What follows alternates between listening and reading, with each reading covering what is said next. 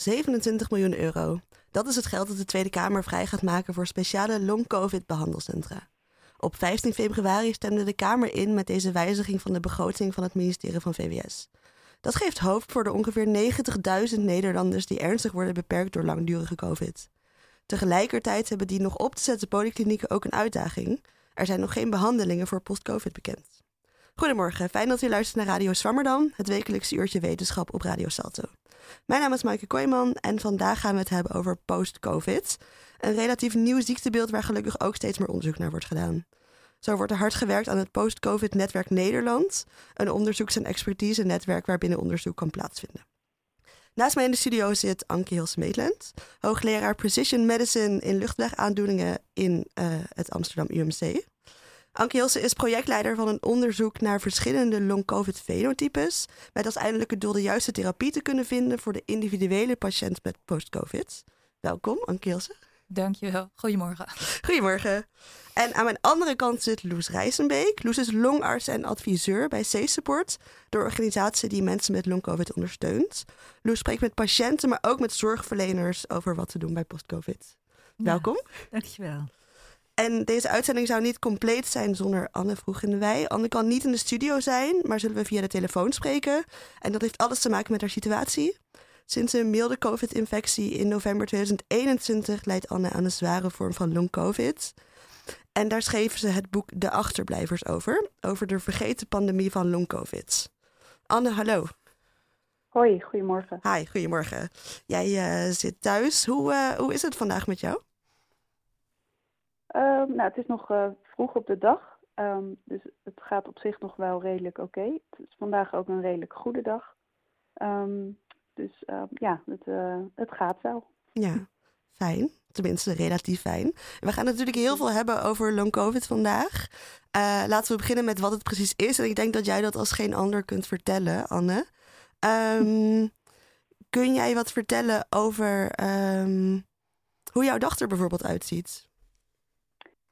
Uh, ja, tuurlijk. Um, ja, mijn dagen zijn eigenlijk uh, vrij leeg, of erg leeg, in vergelijking met uh, hoe mijn leven was. Um, dus ik breng eigenlijk het grootste deel van de dag door in bed of op de bank. Um, liggend en met zo min mogelijk prikkels. dus dat betekent dat ik ook niet echt bezoek kan ontvangen en ook niet echt aan hobby's of, of zo kan doen. Dus uh, ja, liggend en met zoveel mogelijk, min mogelijk inspanning en, en prikkels. Dat zijn mijn dagen. Ja, jeetje. En heb je dan, um, van wat voor symptomen heb je last? Is dat vooral vermoeidheid? Of ook veel uh, andere ja, dingen? Mm -hmm. uh, vermoeidheid is eigenlijk een van de, de, de, de mindere symptomen. Dat is meer een bijkomst van alle andere fysieke ongemakken en symptomen.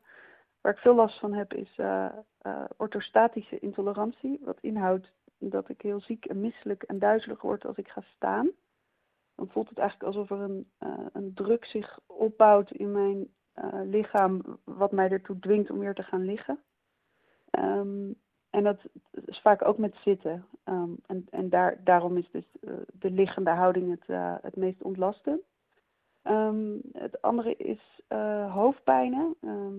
Dat is een symptoom dat een tijdje weg was, maar na een herbesmetting weer terug is. Um, brain fog heet dat. Dat is nogal eufemistisch aangeduid, want dat, dat is eigenlijk um, het onvermogen om na te denken of beslissingen te nemen of prikkels te verwerken. Dus je merkt echt dat de hersenen bijna niks kunnen hebben. Um, ja, bij mij zit het voornamelijk echt in mijn hoofd, in mijn hersenen. Dus ik ken veel uh, lotgenoten die ook veel pijn hebben bijvoorbeeld. Dat heb ik gelukkig niet. Um, maar ik heb wel heel veel last van, van alles in mijn, in mijn hoofd, in mijn hersenen. Ja, en we hebben eerder deze week even gesproken en toen zei je um, dat veel mensen met long covid een beetje verdwijnen uit hun eigen leven. En dat vond ik wel heel um, een, een schijnende uitspraak. Hmm, ja. ja, ik denk dat dat voor veel mensen wel geldt. Zeker die die het wat zwaarder te pakken hebben en dus echt niet meer kunnen werken, um, niet meer deel kunnen nemen aan, aan het sociale leven en, en het leven dat ze, dat ze leefden. Zoals ik net al zei, we spenderen een groot deel van de dag um, alleen uh, op de bank uh, of in bed.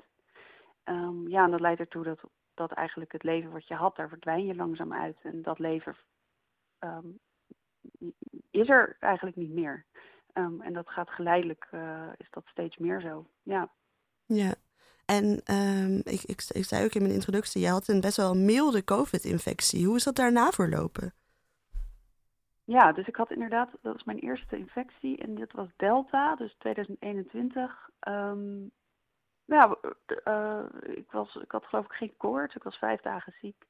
En daarna ging ik zoals ik eigenlijk altijd deed als ik een griepje had gehad of een verkoudheid, um, ja, meteen weer door. Het was december, een drukke maand op werk, dus hard werken. Ik was aan het trainen voor een halve marathon, dus dat pikte ik ook weer op.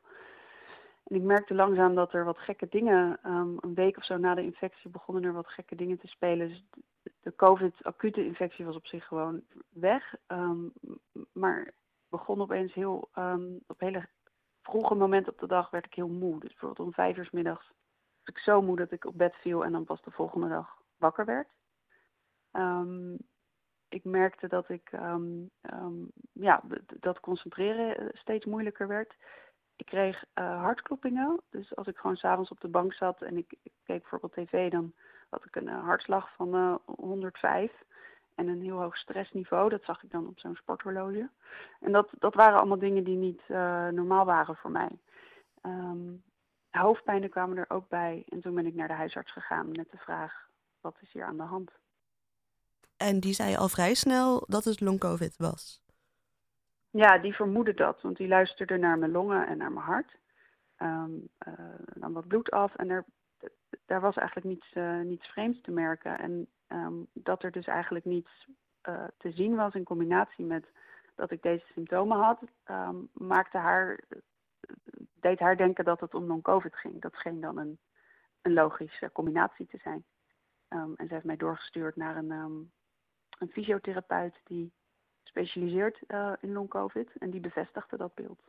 Ja, en dan kijk ik even naar Anke Hilse. Uh, er zijn dus, uh, het, is lastig te herkennen, maar er zijn wel steeds meer aanwijzingen dat uh, er wel, um, het, zeg maar dat long-covid wel in, in het lichaam te zien is. Um, ja, zeker. Goedemorgen Anne, dank voor je verhaal. Ik vind het altijd weer indrukwekkend om mensen met post-covid of long-covid of, long -COVID, of hoe we het noemen, te horen. En ook de waanzinnige impact die het op je, op je leven heeft. Um, ja. wij zijn begonnen met onderzoek naar long COVID eigenlijk toen niemand nog echt wist wat het was. Um, helemaal in het begin, uh, toen het begon, mensen begonnen te ontdekken dat mensen ook na een infectie soms nog heel erg lang klachten konden hebben. En dat uh, willen we natuurlijk heel graag begrijpen wat er aan de hand is. Het is ook een beeld wat je vaker ziet bij infecties. COVID is niet de eerste infectie die een postinfectieus beeld veroorzaakt. En er zijn ook steeds meer uit die groepen mensen, mensen die ziekte van lijm of andere ziektes hebben gehad, waar mensen ook dit soort beelden laten zien, die nu gelukkig ook meer aandacht krijgen. Want ook, ook die mensen zijn soms heel erg ziek en heel erg lang. Um, dus um, ja, we hebben een cohort gebouwd waarin we uh, 100 mensen uh, zijn gaan volgen. Uh, eigenlijk vanuit de gedachte dat het een longziekte is. Ik doe onderzoek naar longziekte en zo uh, is het in het begin ook gepresenteerd. Uh, nou ja, al aan de klachten van Anne horen we dat er ook allerlei andere klachten zijn. maar er zijn er zelfs nog veel meer. Ik geloof dat er meer dan 200 verschillende symptomen zijn gerapporteerd door patiënten met long-covid. Dit kan eigenlijk in alle organen in je lichaam kan het zitten. Um, het is gerapporteerd in kinderen. We doen ook vrij veel onderzoek naar kinderen, maar ook in, in hele oude mensen. Het is gerapporteerd in mensen die super gezond waren. Ik denk dat als Anne een halve marathon ging lopen, dat ze waarschijnlijk van tevoren een hele gezonde uh, jonge dame was. Um, maar ook in mensen die heel veel comorbiditeit hebben. Uh, mensen met een hele milde COVID-infectie, zoals Anne, maar ook in mensen die op de intensive care hebben gelegen, waarna je ook een. een, een... Dus um, ja, dat is eigenlijk wat ik hiermee wil zeggen. Het is een heel breed beeld. Er zijn heel veel mensen getroffen. Uh, 10% van de mensen die door een COVID-infectie zijn gegaan. Nou, Iedereen weet hoeveel mensen COVID hebben gehad. En er, ik heb getallen gehoord van 65 miljoen mensen wereldwijd die misschien wel uh, post-COVID symptomen hebben. Um, dus um, ja, een heel breed beeld. Maar zeker steeds meer studies die allerlei um, ja, biologische mechanismen laten zien. Die zijn verstoord in deze groep patiënten. En dat, ik denk dat heel veel mensen wel hebben gehoord dat er in sommige patiënten hele kleine bloedpropjes worden gezien. Hè, die uh, symptomen kunnen veroorzaken maar ook uh, ontstekingsprocessen die op allerlei plekken in het lichaam uh, plaatsvinden. Um, ja, er zijn heel veel, um, steeds meer biologische processen. En ik denk ook die verschillen per uh, patiënt, hè, wat er met jou aan de hand is. Ja, en dat is voor een Mhm. hoogleraar, hoogleraar precisiegeneeskunde natuurlijk eh, precies wat ik heel interessant vind. Maar ik denk Mhm. heel belangrijk om echt op patiëntniveau te vinden wat is er nu met jou aan de hand. En dan wordt het ook, eh, ja, dan kunnen we ook gaan kijken naar welke mogelijkheden hebben we om daar therapeutisch op- in te grijpen, om daar iets voor te geven. Ja, ik zei net dat het, dat het een nieuw ziektebeeld was. Maar als we kijken naar die eh, andere post-infectieziekten, ziekte van Lyme, Q-koorts heb ik ook eh, ehm, gelezen. ehm, kunnen we daar lessen uittrekken over de mechanismen achter post-COVID? Ehm, ik denk dat het zeker heel belangrijk is om daar ook naar te kijken. Tot, eigenlijk is daar ook relatief weinig onderzoek altijd naar gedaan. Ik denk ook dat de luide schreeuw om aandacht, nu er zoveel mensen ziek zijn geworden naar COVID, heel erg helpt, ook voor deze ziektebeelden, om meer aandacht en meer onderzoek te krijgen. En ook daar geldt dat er verschillende patronen in die beelden te zien zijn. Ehm, een van de dingen die wij heel recent hebben gepubliceerd is een studie waarin we hebben eh, patiënten met ME-CVS, dus met vermoeidheidssyndroom, de vermoeidheid hebben vergeleken met de vermoeidheid in ons cohort met long-covid-patiënten. We hebben hele uitgebreide vragenlijst. Die zou eerlijk gezegd al moe worden van het invullen van die vragenlijst. Zoveel vragen zijn dat. Maar die dus naar alle aspecten van vermoeidheid. Hè? Want vermoeidheid is ook niet maar één ding. Er zijn allerlei verschillende aspecten. Lichamelijk, geestelijk. ehm, wat kun je nog wel, wat kun je niet meer doen. Ehm, nou, die verschillende aspecten hebben we vergeleken. En daar lieten we eigenlijk zien dat er je verschillende clusters kan maken van het soort vermoeidheid wat iemand heeft. En dat er een overlap is tussen mensen die een ME-CVS-diagnose hebben en mensen met lang COVID. Maar dat er ook verschillen zijn. Dus ook clusters die wel in het ene beeld en niet in het andere beeld bestaan. En je moet heel voorzichtig zijn met generaliseren, maar beter snappen wat voor soort vermoeidheid iemand heeft. Zou misschien ook weer een stapje kunnen zijn op weg naar hoe je daarmee om moet gaan en hoe je er eventueel iets aan behandeling kunt doen. Dus ik denk dat het vergelijken en het naar die verschillende ziektes kijken wel, wel kan helpen in stappen te maken. Want ja, als je, als je het hebt over verschillende ehm, ziektebeelden, verschillende fenotypen long COVID, ehm, kun je het verschil dan ook zien in het lichaam? Zeg maar, wat Ehm. weten we nu over wat er in het lichaam van patiënten met long COVID aan de hand is?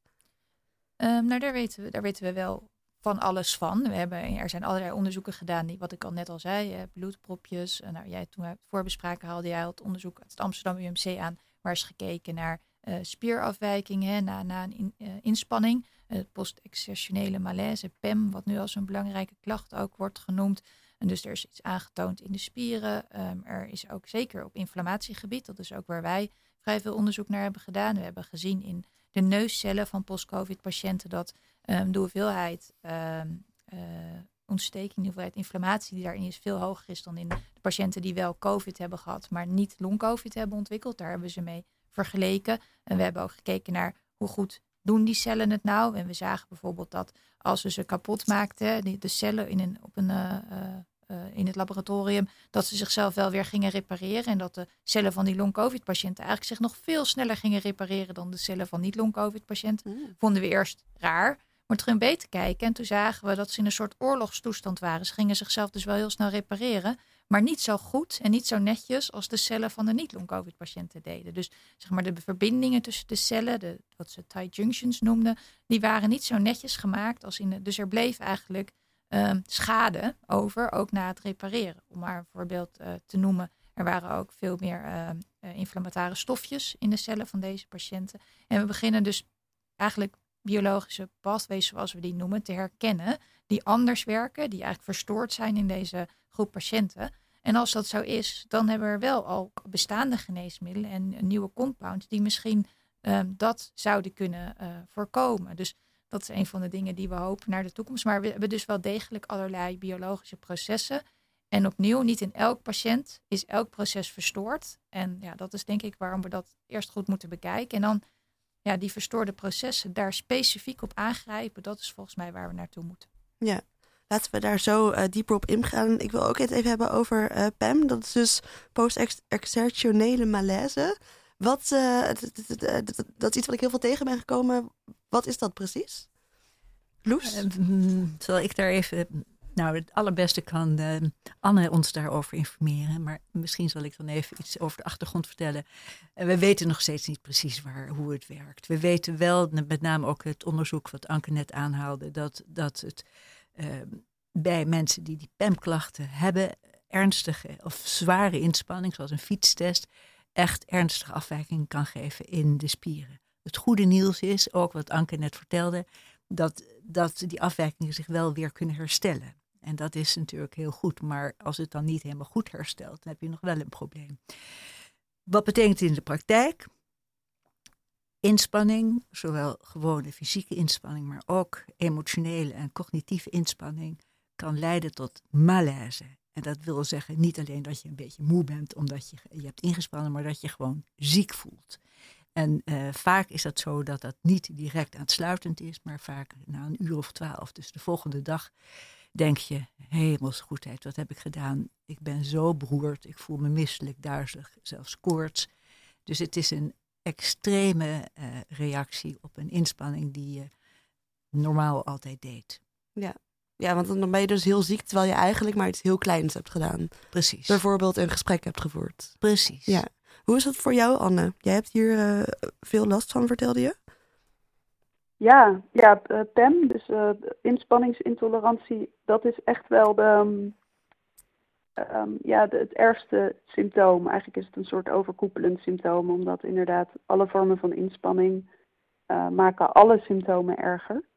Um, en dat betekent dat ik, voor mij is het dus niet een stukje rennen of een lange wandeling maken die dat kunnen veroorzaken, maar bijvoorbeeld een gesprek voeren. Op een, een of andere manier is dat um, erg zwaar. Ik denk dat er dan in de hersenen gewoon heel veel dingen tegelijk gebeuren, waardoor misschien die inflammatie uh, aanwakkert. Maar dat, dat speculeren natuurlijk. Um, in ieder geval een, een, gesprek voeren en een uh, verhuisdoos naar de berging brengen. Dat zijn twee dingen op één dag die ervoor kunnen zorgen dat ik de volgende dag uh, in een donkere kamer moet liggen met de gordijnen dicht. Um, en een bonkend hoofd. En dus heel erg last van ja, een soort gevoel alsof er um, gids in mijn, in mijn hersenen loopt. En um, dat moet ik dan zien te verdragen. Het is een heel uniek gevoel wat ik eigenlijk niet kende van voordat ik uh, long-covid kreeg. En dat trekt dan, als je geluk hebt, na een dag weer weg. En als je pech hebt, na uh, een week pas. Dus dat zorgt ervoor dat je steeds probeert alle vormen van inspanning te vermijden.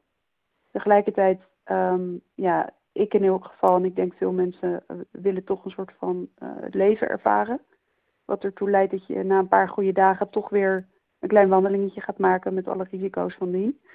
En dan weer terugvalt. En zo belanden we eigenlijk altijd in een soort um, ja, visueuze cirkel waar we, waar we niet zo makkelijk uitkomen. En de kunst is om steeds onder die grens te blijven. En voor de een ligt die grens wat hoger dan voor de ander. Voor mij ligt die heel laag. Maar ik heb ook een vriendin met een uh, lichtere vorm van long-covid die, um, ja, die wel een lekkere wandeling kan maken en dan alleen maar daarna heel moe is. Dus het, um, ja, het verschilt per patiënt. En als je pech hebt, dan, uh, dan, dan ligt die lat heel laag. Ja, jij zei, um, dan ga ik in een donkere kamer liggen. Um, mm -hmm. Gaat het dan weg? Of wordt het dan minder? Of, of, of, is dat gewoon de enige optie? Het is de enige optie. Dat is inderdaad wel uh, een goede vraag. Want het is dus niet zo dat je um, door in die donkere kamer te liggen, dat het dan wegtrekt en dat je dan weer uh, eruit kan. het, er gebeurt dan iets in de hersenen waardoor prikkelverwerken onmogelijk wordt. En um, ja, als je dan toch um, licht of geluid toelaat, dan um, worden die symptomen nog erger. En is het ja, eigenlijk niet te verdragen. Dus het is inderdaad een manier om het te verdragen. Dat is wat die donkere kamer dan is.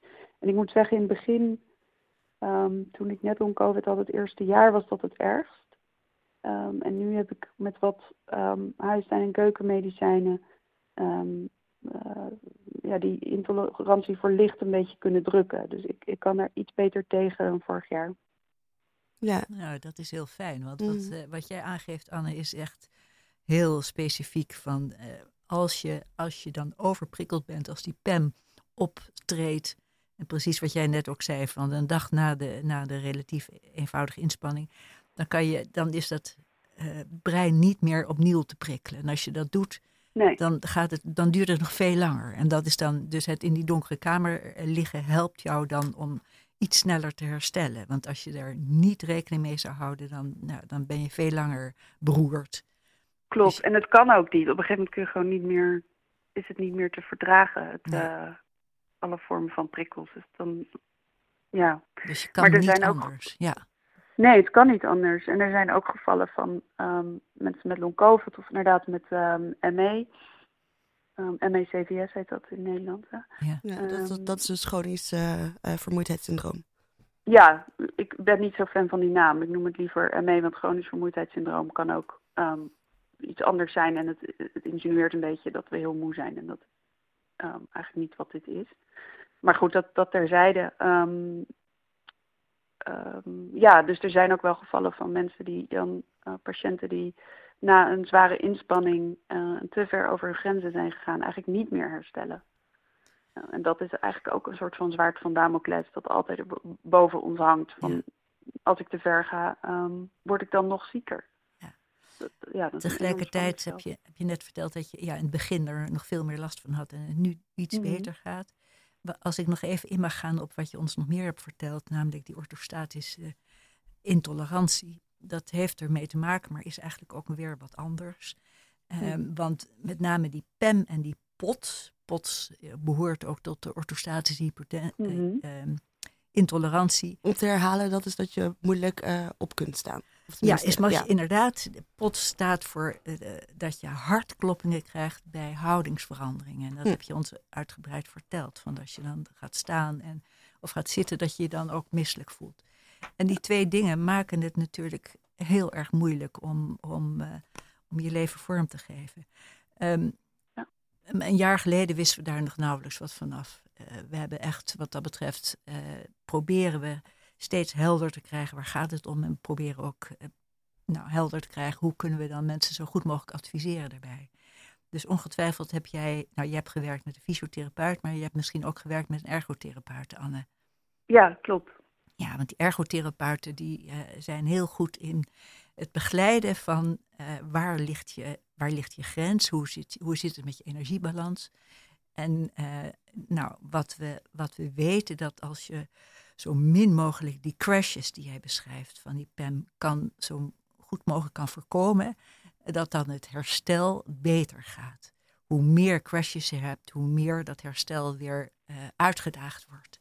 En het, ja. ja. in principe hebben we natuurlijk uh, ja, met de COVID, uh, de echte COVID in het voorjaar, nu vier jaar geleden, was de, is de eerste diagnose gesteld. Toen is enorm veel gebeurd op het gebied van zorg en onderzoek.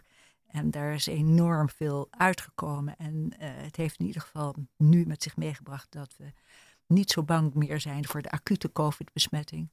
Um, het is nog niet uit de wereld. Ik wil het nog uitdrukkelijk hier herhalen. We moeten nog steeds zeer zorgvuldig zijn. Um, precies, mensen zoals Anne zijn daar eigenlijk ook kwetsbaar voor. Dat heb je ook net verteld. Dat als je een terugval hebt of als je een her, herbesmetting of ook maar gewoon een andere virale infectie hebt, is voor jou uh, het een ellende dat je weer een terugval krijgt en weer meer ja. last hebt. Uh, maar mijn punt is dat ik zeg van, wat ik wil zeggen, ja, het onderzoek naar post-COVID is wel direct op gang gekomen, zoals Anke net ook vertelde. Maar het heeft veel meer tijd nodig om, uh, om werkelijk ook tot behandelingen te kunnen leiden en tot meer kennis erover. Ja, en hebben we die tijd of verslechtert de situatie van patiënten in de tijd die het onderzoek kost? Voor veel mensen is het natuurlijk, duurt het veel te lang. En dat is heel erg verdrietig. En daarom is het uh, is het ook fantastisch dat uh, met name de patiëntenverenigingen hebben gezorgd uh, met hun moties dat wij nu die 27.000 hebben om wij, wij als Nederland die 27 miljoen hebben om de expertklinieks op gang te gaan brengen. de eerste werkvergadering is daarvoor geweest bij VBS waar heel veel partijen bijeen waren om met elkaar te bedenken, nou hoe moeten we dat nou gaan inrichten, wat gaan we daar nou mee doen het kan niet snel genoeg gaan, want mensen zoals Anne hebben hulp nodig en hebben ook weer zicht nodig op verbetering. Ja. Uh, die is er wel, maar het duurt al veel te lang. Ben ik helemaal met je eens. Ja, wij gaan uh, zo afscheid nemen van Anne. Zij kan er niet ehm, qua inspanning de hele tijd bij zijn. ik vind het wel goed om af te sluiten met hoe jij de toekomst ziet, Anne. Ben je daarmee bezig? Leef je vooral in het nu? Um, ja, dus we, ik word wel gedwongen om in het nu te leven. Um, omdat ik niet weet wat de toekomst brengt. En um, ik weet ook niet kijk, dan, zo'n expertisecentrum is geweldig, meerdere hoop ik. Ehm, maar voor ons, voor mij, zijn er ook nog wel veel uh, vraagtekens. Dus het is niet dat we verwachten dat we binnen korte tijd nu uh, van non-COVID afgeholpen gaan worden en dat we dan ons leven weer terugkrijgen. Um, dus bijvoorbeeld um, ja, zijn er snel genoeg, genoeg specialisten om um, al die 90.000 en, en ook honderden duizenden patiënten met een mildere vorm van long-covid te helpen. Um, en, en er is nog vooralsnog natuurlijk geen behandeling. Dus waar we heel blij mee zijn is een plek waar we eventueel symptoombestrijding kunnen krijgen. Dus daardoor wat kwaliteit van leven ook terugkrijgen. Um, maar inderdaad, omdat er heel veel verschillende types zijn, is het ook maar de vraag of dat voor iedereen mogelijk is. Um, en, en dus, um, ja, hoe ik de toekomst zie, het is niet. Ik, ik, dit, het is niet negatief bedoeld en ik vind het een hele positieve ontwikkeling dat, dat de centra er komen. En zeker als een signaal naar, vanuit Nederland naar de, naar de patiënten toe. Van we zijn hiermee bezig en er is een plek waar jullie straks terecht kunnen. We kunnen op dit moment natuurlijk nergens terecht. Um, maar ik, ik moet eerlijk zeggen dat ik niet voor me zie dat ik binnen nu en een jaar of zelfs vijf jaar, um, ja, dat er een oplossing komt en dat ik beter word. Dus daar hou ik wel rekening mee dat dit nog heel lang kan gaan duren. Ik hoop dat er voor de toekomstige generatie patiënten, dat die, uh, dat die straks wel een plek hebben en dat er daar voor hen straks wel een behandeling is. Ja, ik kan me voorstellen dat je bijna moet rouwen om het leven dat je niet meer hebt. Ja, absoluut dagelijks. En tegelijkertijd um, niet te veel, want je wilt hoop houden. Um, het is een soort heel vreemd iets dat het leven ergens nog een soort van voor je bungelt. Mm. Um, dat je het nog kan zien en dat je het niet meer kan aanraken. Maar dat het misschien wel weer terugkomt. Dus het, je kan dan ook niet helemaal rouwen. En toch moet je wel rouwen, want er is zo heel veel niet meer. Um, dus dat is een heel bijzonder proces. En daarin is het heel prettig om uh, lotgenoten contact te hebben die begrijpen hoe dat is en dat ook doormaken. Dat is wel een grote troost. Die eigenlijk als enige begrijpen hoe het is. Ja, ja. Ja. Um, jij uh, gaat er vandoor, denk ik. Uh, ik wil jou heel erg bedanken voor uh, het delen van je ervaringen. Voor de luisteraar, wie meer daarover wil lezen, um, kan kijken naar het boek De Achterblijvers, dat Anne heeft geschreven over de vergeten pandemie van long-covid. Um, ook een luisterboek. Dat is voor patiënten denk ik heel fijn om te weten. Oh ja, goeie. Uh, ja, dankjewel voor de toevoeging. Ook als luisterboek. Um, daarin uh, omschrijf jij veel meer over jouw ervaringen, maar ook over die van andere uh, patiënten met mhm. long-covid. Um, ik wens jou voor nu heel veel sterkte met het herstellen van dit gesprek. En ontzettend bedankt dat je je energie aan ons hebt kunnen geven. Ja, heel graag gedaan. En ja, jullie ook bedankt. Ja, hartelijk dank Anne. En uh, ik wens je een heel goed herstel toe. Liefst sneller dan, uh, dan uh, dat je er heel lang op moet wachten. Ja, ja, ja. hetzelfde. En, en ja. hou hoop, want ik denk dat daar zonder wordt het wel heel erg zwart. Klopt, ik doe, ik doe mijn uiterste best. En, en wij blijven er heel hard aan werken. Ja. Dankjewel, super. Dus ik denk dat dat nog misschien wel, want wat Anne net zegt, ik denk dat ze daar heel erg gelijk in heeft van Um, die, het, het, is geweldig dat er geld komt, dat er post-COVID-centra komen, maar daarmee is het probleem natuurlijk niet opgelost. Hè. Het is heel fijn dat er mensen bij elkaar gebracht worden, maar de therapie is er nog altijd niet. Um, en die hebben we heel hard nodig. Wat ik wel denk is dat naast dat het goed is voor de patiënten, dat het ook goed is voor het onderzoek. Want het betekent voor ons ook dat er een plek is waar deze mensen bij elkaar komen. En ja, om onderzoek te kunnen doen heb je toch patiënten nodig. En dus ook voor ons is het denk ik een hele goede ontwikkeling dat dit bij elkaar gehouden wordt. En dat er, als we ideeën hebben om nieuwe dingen uit te testen, dat er ook plekken zijn waar we de patiënten bij elkaar kunnen vinden. Um, dus daar is ook zeker al wel heel erg overleg over.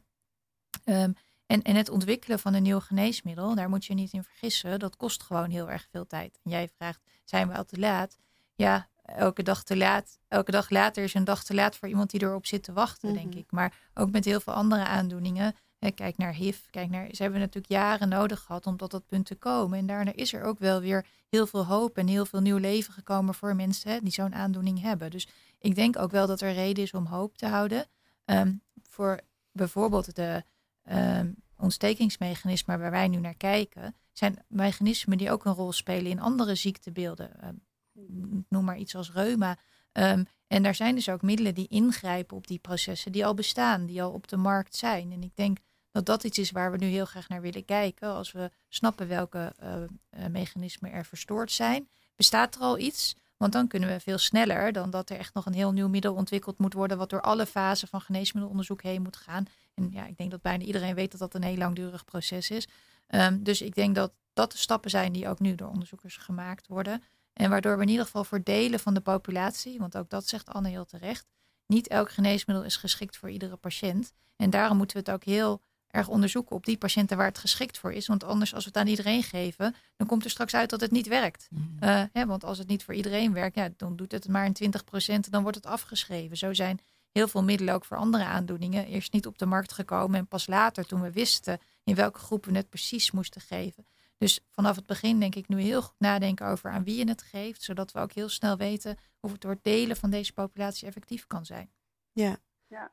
En, en wat, wat wij ook heel erg hopen is dat um, doordat het, uh, het kenniscentrum er is, het expertise-netwerk, um, dat de kennis die daar wordt opgebouwd, uh, vooral voor symptoombestrijding, Um, en eventuele middelen die helpen voor, voor bepaalde groepen, dat dat ook bij huisartsen bekend wordt en bij andere specialisten. Omdat wij op dit moment um, eigenlijk nergens terecht kunnen. Dus er zijn geen specialisten die kunnen helpen. Huisartsen die weten het ook niet. Um, en, wat er dan gebeurt is dat we eigenlijk niet meer uh, zoeken naar zorg en hulp. En het zou enorm helpen als uh, ook de huisarts wat meer kennis um, en wat meer durf heeft. En inderdaad ook die uh, medicijnen waar misschien geen long-covid-indicatie voor is, wel uit durven te proberen met de patiënt. Ja. Dus um, dat, is, dat zou ook een enorme winst zijn, dat er gewoon voor het algemeen wat meer kennis komt en dat dat doorcijpelt in de medische wereld. Ja, ja dat is een uh, ongelooflijk belangrijk punt wat je aangeeft, Anne. Um, dat post-covid-netwerk ehm, um, Nederland heeft dat ook als een van de belangrijke speerpunten om te zorgen dat er kennisdisseminatie komt. Dus dat uh, mensen zo goed mogelijk uh, op, uh, op de hoogte worden gebracht van de ontwikkelingen die er zijn. Um, maar het is, nou ja, we komen natuurlijk vanuit een situatie waarin het erkennen van post-COVID al een, een probleem was. Daar zijn we gelukkig nu ondertussen wel bijna overheen. Hoewel er nog hier en daar um, laten we zeggen, zorgverleners zijn die uh, nog steeds uh, niet de interesse hebben voor long covid of zeggen, ze erger nog zeggen dat het niet bestaat. Maar gelukkig is dat voor een belangrijk deel verleden tijd. Het tweede stuk wat we, de tweede punt wat we dan nodig hebben is het herkennen. En het herkennen, daar is die kennis voor nodig. Precies wat jij zegt, Anne. Die mm. kennis is nodig omdat uh, als jij bij de huisarts komt of bij welke zorgverlener ook, en ze zeggen van, nou, op mijn, op mijn vakgebied is er niks te zoeken, is er niks te vinden, ik heb je nagekeken, maar er is niks. Dus uh, ga maar weer weg. Ja, dan is er, heb je op het feit dat je je beroerd voelt en dat je, uh, dat je helemaal niet uit de voeten kan, ook uh, nog een keertje een negatieve afwijzing. En helaas horen we dat ook heel vaak bij C-support. Dat mensen eh, onvoldoende terecht kunnen bij de hulpverleners die zij nodig hebben. Dus ik ben het helemaal met je eens dat het verspreiden van kennis en het uh, organiseren van uh, kennisverwervende uh, situaties, dat dat heel erg belangrijk is. En dat, dat staat hoog in ons vaandel, ook zowel in het ja. post-COVID-netwerk als bij C-Support. Ja, geweldig. Ja, Loes, kun jij wat meer vertellen over um, wat jij doet? Want um, jij helpt mensen terwijl er eigenlijk niet per se reguliere hulp beschikbaar is. Nee, dat is interessant. Ja, precies. Um, C-support is in 2020, dus ongeveer ja, een half jaar na de eerste corona-infectie, um, opgericht. Het is eigenlijk een vervolg van de stichting Q-support, die zich bezig heeft gehouden met de langdurige problematiek die Q-koorts met zich meebracht. We zijn een maatschappelijke instelling opgericht door VWS en ons doel is om in dat toen nog hele grote gat, uh, waarin er uh, mensen langzamerhand zich realiseerden dat ze ziek waren en ziek bleven, uh, maar er nog helemaal geen zorg was. Dus het, onze opdracht was om steun te geven aan patiënten, maar niet alleen op medisch gebied, juist breed, alle facetten van de zorg. En langdurig ziek zijn brengt veel ellende met zich mee. Want dat, eh, als je niet kan werken, heb, eh, komen er financiële items aan bod en werkgerelateerde items. Dus C-support heeft zich vooral gericht op alle impact die eh, post-COVID voor mensen heeft. En daarnaast ook adviezen. Ehm, en even om je idee te geven, er zijn zo'n 130 um, nazorgadviseurs bij C-Support werkzaam die over het hele land werken. En in principe maar zeven medische adviseurs. Dus wij, zijn, wij staan niet op de voorgrond, maar we kunnen geraadpleegd worden als er ingewikkelde problematiek is. Of als uh, de nazorgadviseurs zeggen van, goh, ik heb het gevoel dat het heel, heel belangrijk is dat ze een keer met een medisch adviseur kunnen spreken over de problemen. Dus wij hebben online contact met de patiënten. We proberen uh, te analyseren. Wat, wat is er nou? Wat is nou de kern van de problematiek? En dat is wel wat we het laatste jaar heel erg hebben meegemaakt. Dat als wij dan goed doorvragen, dat we helder krijgen. Uh, dat er bijvoorbeeld PEM is, wat nooit eerder erkend is en herkend is door de patiënt zelf niet en, en door de zorgverleners. Of dat er die orthostatische, um, orthostatische intolerantie is. Blijft een moeilijk woord. Blijft een moeilijk woord. Nou ja, snap je? Dus wij proberen te analyseren. Wat is er nou en waar, wat kan ik je zo goed mogelijk, waar kan ik je zo goed mogelijk bij helpen? Uh, en nou, dan hoor ik terug dat inderdaad het erkennen en het herkennen van, van de problemen die de mensen hebben al helpt. Al een soort verlichting geeft. Omdat ze dan zeggen, oh ja, maar dan kan ik dus dat en dat gaan doen. En dat en dat is dan nou, heel vaak ergotherapie. Voor die orthostatische intolerantie hebben we gelukkig ook steeds meer duidelijke nou, practice-based uh, adviezen die, uh, die goed kunnen helpen om minder last van die duizeligheid en misselijkheid te hebben. Uh, dus, we, dus we proberen dat telefonisch te helpen om een weg te vinden in, in de grote problematiek die er is. Um, daarnaast is uh, nou, onderwijs, zoals het dan heet, dus kennisdisseminatie, staat hoog in ons vaandel. Uh, om je een voorbeeld te noemen, aanstaande uh, donderdag op 7 maart hebben we een symposium waarbij we met name al het wetenschappelijk onderzoek wat nu in Nederland gebeurt gaan presenteren. Waar we mensen hebben uitgenodigd die op verschillende vlakken zich hebben bezig gehouden met het onderzoek en daarover willen vertellen. Ook over het hele land, want we zijn heel blij met het AMC dat daar veel onderzoek gebeurt. Maar in heel Nederland gebeurt er onderzoek, ook in Groningen, ook in Rotterdam en Utrecht. Um, dus dat is een heel belangrijk uh, pijl, of, of, een belangrijke opdracht voor ons. En de derde is dat we proberen mee te denken in wat zijn nou de gaten in het wetenschappelijk onderzoek en waar uh, gaan we proberen om aan te geven dat daar nu zo snel mogelijk iets moet gebeuren. En om daar even aan, op aan te haken, um, sinds uh, eh, 2020 hebben zich ongeveer 29.000 mensen aangemeld bij C-Support. Um, en je en, kunt je aanmelden als je langer dan drie maanden na je besmetting nog klachten hebt, toch? Precies. Ja, ja precies. En het uh, bijzondere is dat die, ja, de minister heeft gedacht, nou die aanmelding dat gaat op een gegeven moment wel aflopen, want dan is het probleem wel voorbij. We zien zeker fluctuaties, maar eigenlijk is het dat nog steeds zo dat we zo'n 500 tot 500, 600 patiënten per maand zich bij ons aanmelden. En wij hebben uh, met name in de, in de eerste jaren ook geprobeerd om heel goed zorgvuldig die patiënten die zich bij ons hebben aangemeld in beeld te brengen. Dat hebben we gedaan eh, in een wetenschappelijk onderzoek samen met de Erasmus eh, Universiteit. Uh, en daarin hebben we ook heel veel geleerd van, nou, hoe ziet dat beeld er dan uit? Hoeveel symptomen hebben de patiënten? Wat, wat is de impact van hun symptomen en van hun ziek zijn op, op hun leven en op hun, op hun werk? En dat, nou, dat leidt tot bijzondere inzichten en dat, dat helpt ons ook weer om verder te gaan. En dat is ook een beetje de volgende vraag van, ja, wat kan je dan doen met die, met die behandeling? Dus ik heb het al gehad over de erkenning en de herkenning. Uh, nou, vervolgens is wat, wat ik in het gesprek met de patiënt doe, en waarvan ik hoop dat dat uh, verder uitgebalanceerd uh, en uitgekristalliseerd wordt in de expertisecentra, is dat je, dat je dus heel systematisch probeert in beeld te brengen wat speelt er bij deze patiënt. Dat je um, in beeld krijgt problematiek analyseert op het, wat is het kerngebied en wat zijn de bijkomende gebieden die ook weer impact hebben op de andere domeinen van de, van de gezondheidsprofiel. Ehm, als je dat in beeld hebt, dan kan je ook weer veel gerichter proberen om de behandeling vorm te geven.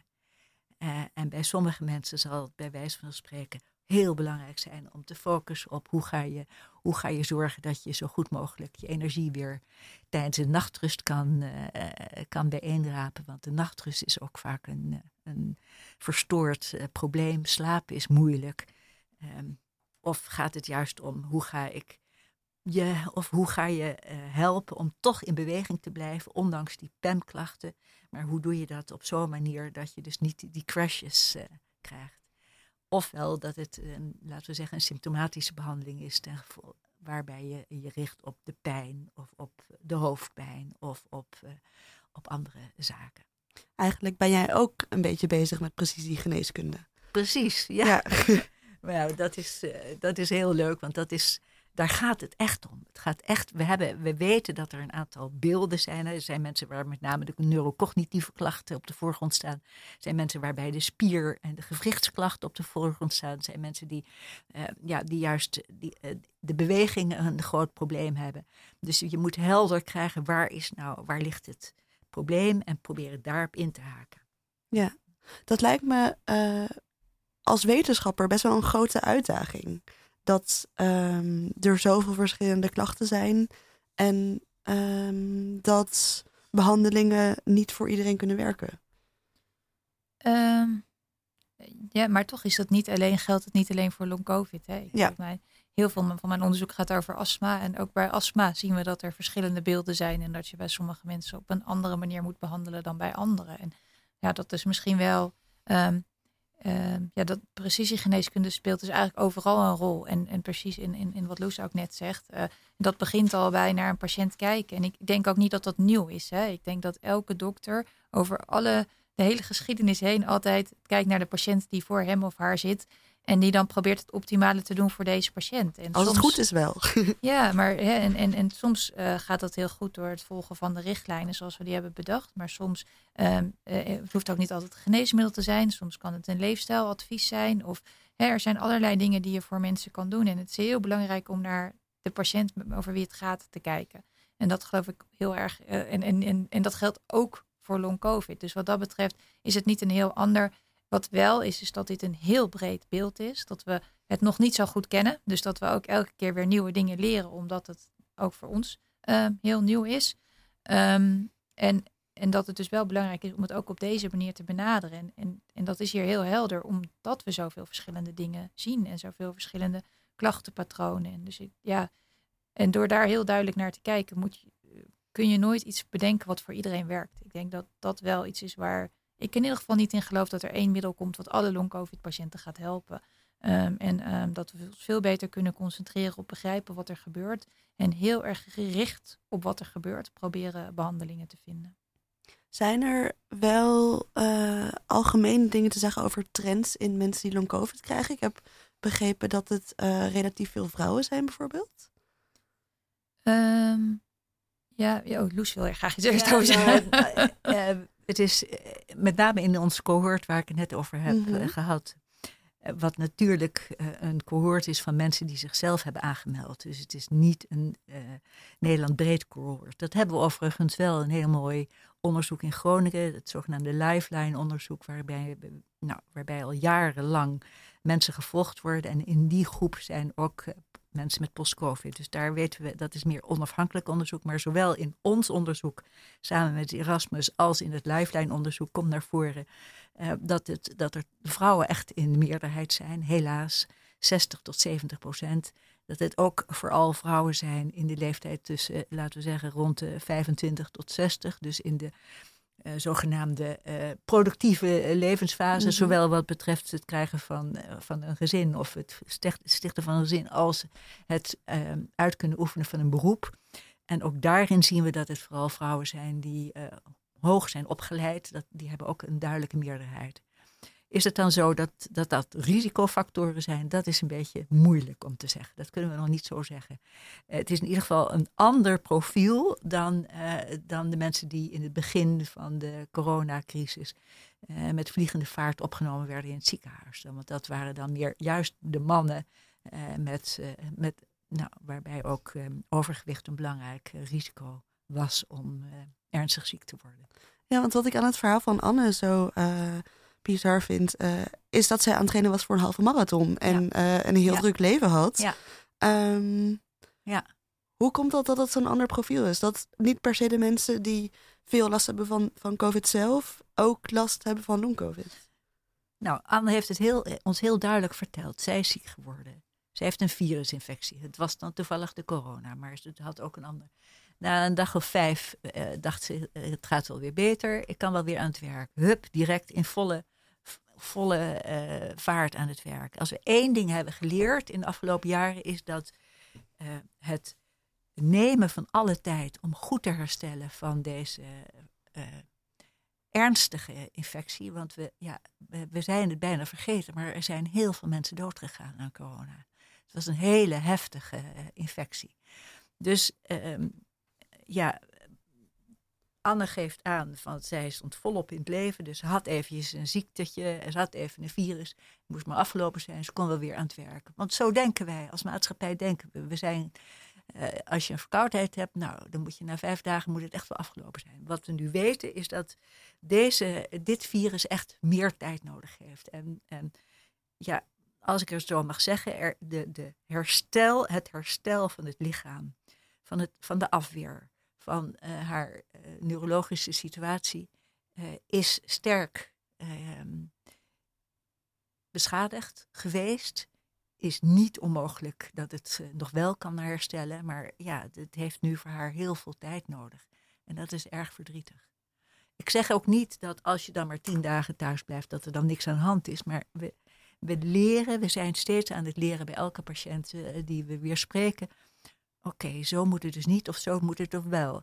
Maar is het dan zo dat als je langer tijd neemt om ziek te zijn, herstellen, dat het dan beter gaat? Nou, dat is ook de uitgebreide diagnostiek of de dialoog die wij als uh, klinische dokters hebben met, met het onderzoek. Dat is ook wat ik je zei, dat wij als C-support proberen aan te geven van nou, je moet daar eens naar kijken of laten we daar eens uh, onderzoek naar starten.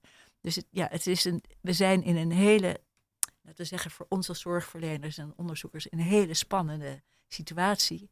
En ehm, dat is voor de patiënt ook heel spannend, maar op een andere manier, want ze lijden eronder. En dat lijden is wel voor ons een heel belangrijke motivatie om, om diep daarin te gaan en eigenlijk uh, daar veel tijd en aandacht aan te besteden. We zien wel heel duidelijk hè, dat er verschillende beelden zijn die zich verschillend ontwikkelen. Misschien dat toch wel goed om te zeggen dat er ook long-covid-patiënten zijn die wel herstellen. Ja, hè? Want nu klinkt het een beetje, en ook zeg maar de hoop te houden voor de anderen. Hè, ja. Dat er ook een groep is, Helemaal ook binnen ons cohort, waar we zien dat ze over de laatste twee jaar dat we deze mensen nu volgen, echt beter geworden zijn. Dat het beter met ze gaat. Dus en we moeten vooral heel erg uitvinden wat er nou met mensen als Anne aan de hand is. Die maar ziek blijven ja. hè, en die bijna geen hoop meer durven te hebben. En dat zijn natuurlijk de mensen waar we nu het allerhardste voor aan de slag moeten. Precies. Maar er is ook een groep patiënten die gewoon heel veel tijd nodig heeft om beter te worden. Maar uiteindelijk wel beter wordt. En dat moet denk ik ook de hoop voor de rest zijn. Dat die mogelijkheid er dus gelukkig wel is. Dat zijn niet per se mensen die iets speciaals hebben gedaan om beter te worden. Of die... Uh ja, niet, dat ik, nee, niet dat ik dat weet, helaas. Dat, dan zouden we misschien de gouden graal uh, te pakken nou ja, hebben. Weet je, er, is, er is natuurlijk heel veel gaande. Er zijn heel veel behandelingen. Als je even gaat kijken op internet, nou, dan ben je morgen beter. Want er zijn zoveel fantastische behandelingen die commercieel ge, gepusht worden. Uh, maar afgezien daarvan, kijk, het gaat om, waar, waar ik net had, het herstel van die, van die virus is helaas bij sommige mensen, en gelukkig maar bij zo'n 10% van de mensen, um, of meer of minder, we weten het niet precies, is um, niet goed tot gang gekomen. Maar die kan nog wel steeds tot gang komen, op gang komen. En dat herstel kan nog ook gestimuleerd worden. We weten op zijn minst dat het gestimuleerd kan worden door rust. Uh, we weten ook dat het gestimuleerd kan worden, misschien door bepaalde medicijnen. En dan is het weer heel erg afhankelijk van wat precies het patroon is en wat precies de achterliggende um, ja, uh, situatie is bij, bij die patiënt. Dus er is zeker hoop. Uh, ik had het in, in mijn voorgesprek met Anke Hilse ook even over. Um, jullie hebben wel stoffen op het, op het oog die misschien zouden kunnen helpen. Wat voor uh, medicatie zou dat zijn? Dat, uh, waar we, een van de dingen die we hebben gedaan in patiënten is neusuitstrijkjes uitnemen. Wat ik net al even zei. En daar hebben we ook allerlei processen in gezien die anders zijn dan in neusuitstrijkjes van mensen die geen long-covid hebben ontwikkeld. En, en trouwens ook in het bloed van de patiënten hebben we gekeken naar inflammatie. Want het lichaam blijft eigenlijk een beetje reageren en blijft eigenlijk uh, uh, zich gedragen alsof er nog een virus aan de gang is. Hè. We blijven maar vechten, terwijl je eigenlijk niet meer moet vechten. En van dat vechten zelf, ja, daar krijg je ook heel veel last van. Want je blijft al die stofjes aanmaken die je, die je nodig hebt om normaal van een virus te winnen, om het zo maar even te zeggen. Dus het blijft ehm, uh, die, die, mechanismen die daar een rol in spelen, die eigenlijk verstoord zijn. En daarin hebben wij uh, aangrijpingspunten gevonden waar bestaande geneesmiddelen, bijvoorbeeld een geneesmiddel wat we nu gebruiken bij reuma, maar ook een nieuwe compound die in een onderzoek zit bij een geneesmiddelfabrikant, um, die ze eigenlijk gemaakt hebben voor een andere, uh, voor een longziekte. Uh, maar die grijpen aan precies op die mechanismen waarvan wij hebben gezien dat ze anders zijn in een aantal van onze long-covid-patiënten. Nou, dat zijn de twee dingen waar we heel graag naar willen kijken. We hebben een mooie studie lopen waar we geld hebben gekregen van Health Holland, die gestimuleerd heeft dat we samen met bedrijven dit long-covid-cohort van die 100 mensen hebben gebouwd. We hebben nu van ZonMW een nieuwe subsidie gekregen. Ook mede dankzij alle inzet van de stichtingen Long Covid en alle. Hè, die hebben gemotiveerd dat, dat ook Nederlandse kennis nu meer gefinancierd wordt. Dus Zonnewe heeft ons een, een subsidie gegeven om onze patiënten nog een keertje te zien. Um, en we gaan dan uh, speciale CT-scans, PET-CT-scans maken van deze mensen om nog beter te kijken. Ook in de longen, dus niet alleen in het epitheel van de neus, maar ook in de longen. In hoeverre is er nou nog ontsteking? In hoeverre is er wat wij remodeling noemen? Hoe gaat het weefsel zich veranderen? Uh, nou, als we dat weer beter snappen, dan kunnen we weer een stap maken. En we hebben nu net bij ZonMW een voorstel ingediend om die twee stofjes waar ik het net over had, te testen in neuscellen van weer nieuwe long-covid-patiënten. Want we hadden ze natuurlijk al van onze 100 patiënten. Maar om nieuwe patiënten te vragen ons weer cellen te geven, om te kijken, is dat mechanisme aan de gang? En dan eerst eens gewoon in de reageerbuis dat stofje erbij te doen, stopt het dan, wat we niet meer willen zien. En als dat nou zo werkt, en dan is het fijn als een middel al op de markt is, want dan is het dus al getest of het veilig is in patiënten. En als het nou zou werken in die reageerbuis, dan hebben we al afgesproken met de, met de dokters in het Amsterdam UMC, dan willen we het ook in patiënten gaan proberen. Maar goed, dat is natuurlijk, elke dag is te lang, ik weet het, maar we maken stappen in de goede richting, denk ik.